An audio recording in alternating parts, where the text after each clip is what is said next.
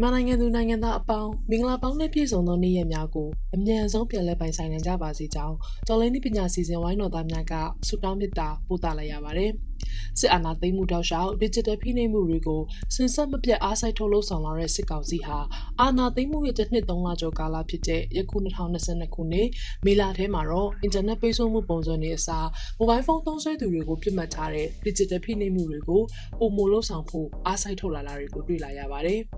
မေလ23ရက်နေ့ဝင်းကျင်မှာပြန်နှံထွက်ပေါ်လာတဲ့သတင်းတွေအရ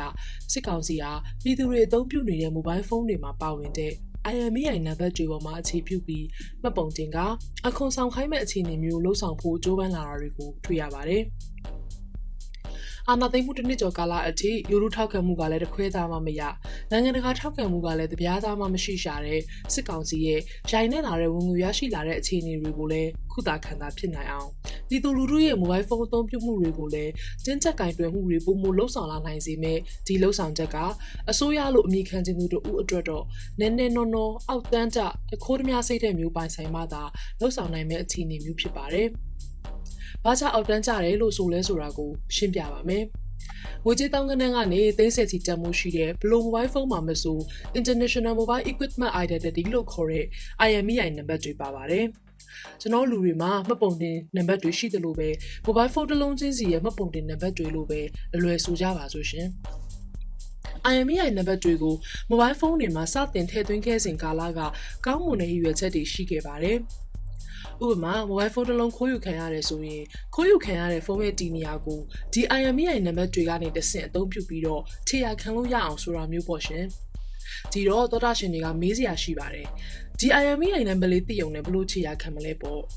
ဒီလိုပါကျွန်တော်တို့က mobile phone တစ်လုံးလေးကို SIM card တစ်ခုစတင်ထည့်သွင်းသုံးစွဲလိုက်တာနဲ့အဲ့ဒီ SIM card ကဘယ် IMEI ပါတဲ့ဖုန်းနဲ့တွဲပြီးတော့သုံးစွဲနေတယ်ဆိုတာကိုသောတာရှင်တို့ဝန်ဆောင်မှုရယူသုံးစွဲတဲ့ mobile phone operator တွေကနေတခါတည်းမှတ်တမ်းတင်ထားပါတယ်။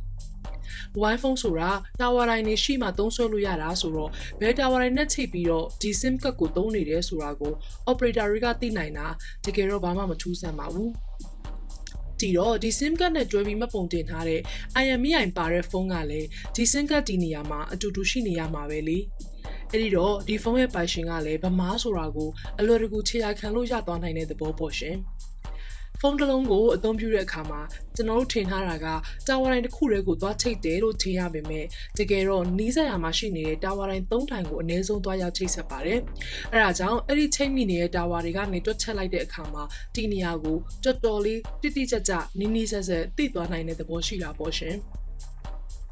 ဒီလိုသိနိုင်တဲ့အခြေအနေမှာမှ IMEI နံပါတ်တွေနဲ့တွဲပြီးမှတ်ပုံတင်လိုက်ရတယ်ဆိုရင်တော့မောင်ဘသူကတော့ဘယ်နာကနေသုံးနေရဲဆိုတာကိုအလွယ်တကူခြေရာခံလို့ရသွားနိုင်မဲ့အခြေအနေမျိုးဖြစ်သွားပါတယ်။မပုံမတင်ခင်ကတော့ SIM card တွေကိုအကြိမ်ပေါင်းများစွာပြောင်းလဲအသုံးပြုရင်ခြေရာဖြောက်တဲ့ပုံစံမျိုးဖန်တီးလို့ရခဲ့ကြပေမဲ့ဒီလို mobile phone ကနေတဆင်မပုံတင်ထားရပြီဆိုရင်တော့လူကြီးမင်းကဖုန်းတွေကိုမကြာခဏပြောင်းသုံးမှုအတွက်အခက်အခဲရှိနိုင်ပါတယ်။ ဒီတော့မေးလာစရာရှိပါတယ်ဒါဆိုကွာငါမှတ်ပုံတင်ပြီးသားဖုန်းအဟောင်းတစ်လုံးကိုဝယ်ပြီးတော့သုံးလိုက်မယ်ဆိုရင်ရောတကယ်တော့ဒါကလည်းတိတ်ပြီးကောင်းမွန်တဲ့နီလန်တော့ဖြစ်ဖွယ်ရှိမနေပြန်ပါဘူး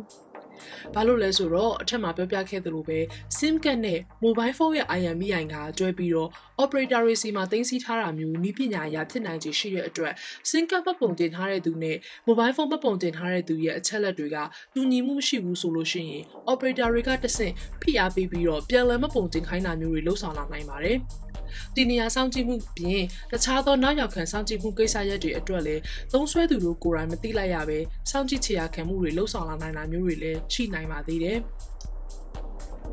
အခုမပုံကျင်မှုလှုပ်ဆောင်ရမှာလဲ Solution Hub ကုမ္ပဏီကနေဦးဆောင်ပြီးရပ်ပေါင်း60အတွင်းမှာ mobile phone အသုံးပြုသူတွေရဲ့ IMEI အချက်လက်တွေကိုမှတ်ပုံတင်စေဖို့ဦးဆောင်လှုပ်ဆောင်မဲ့သဘောရှိပါတယ်။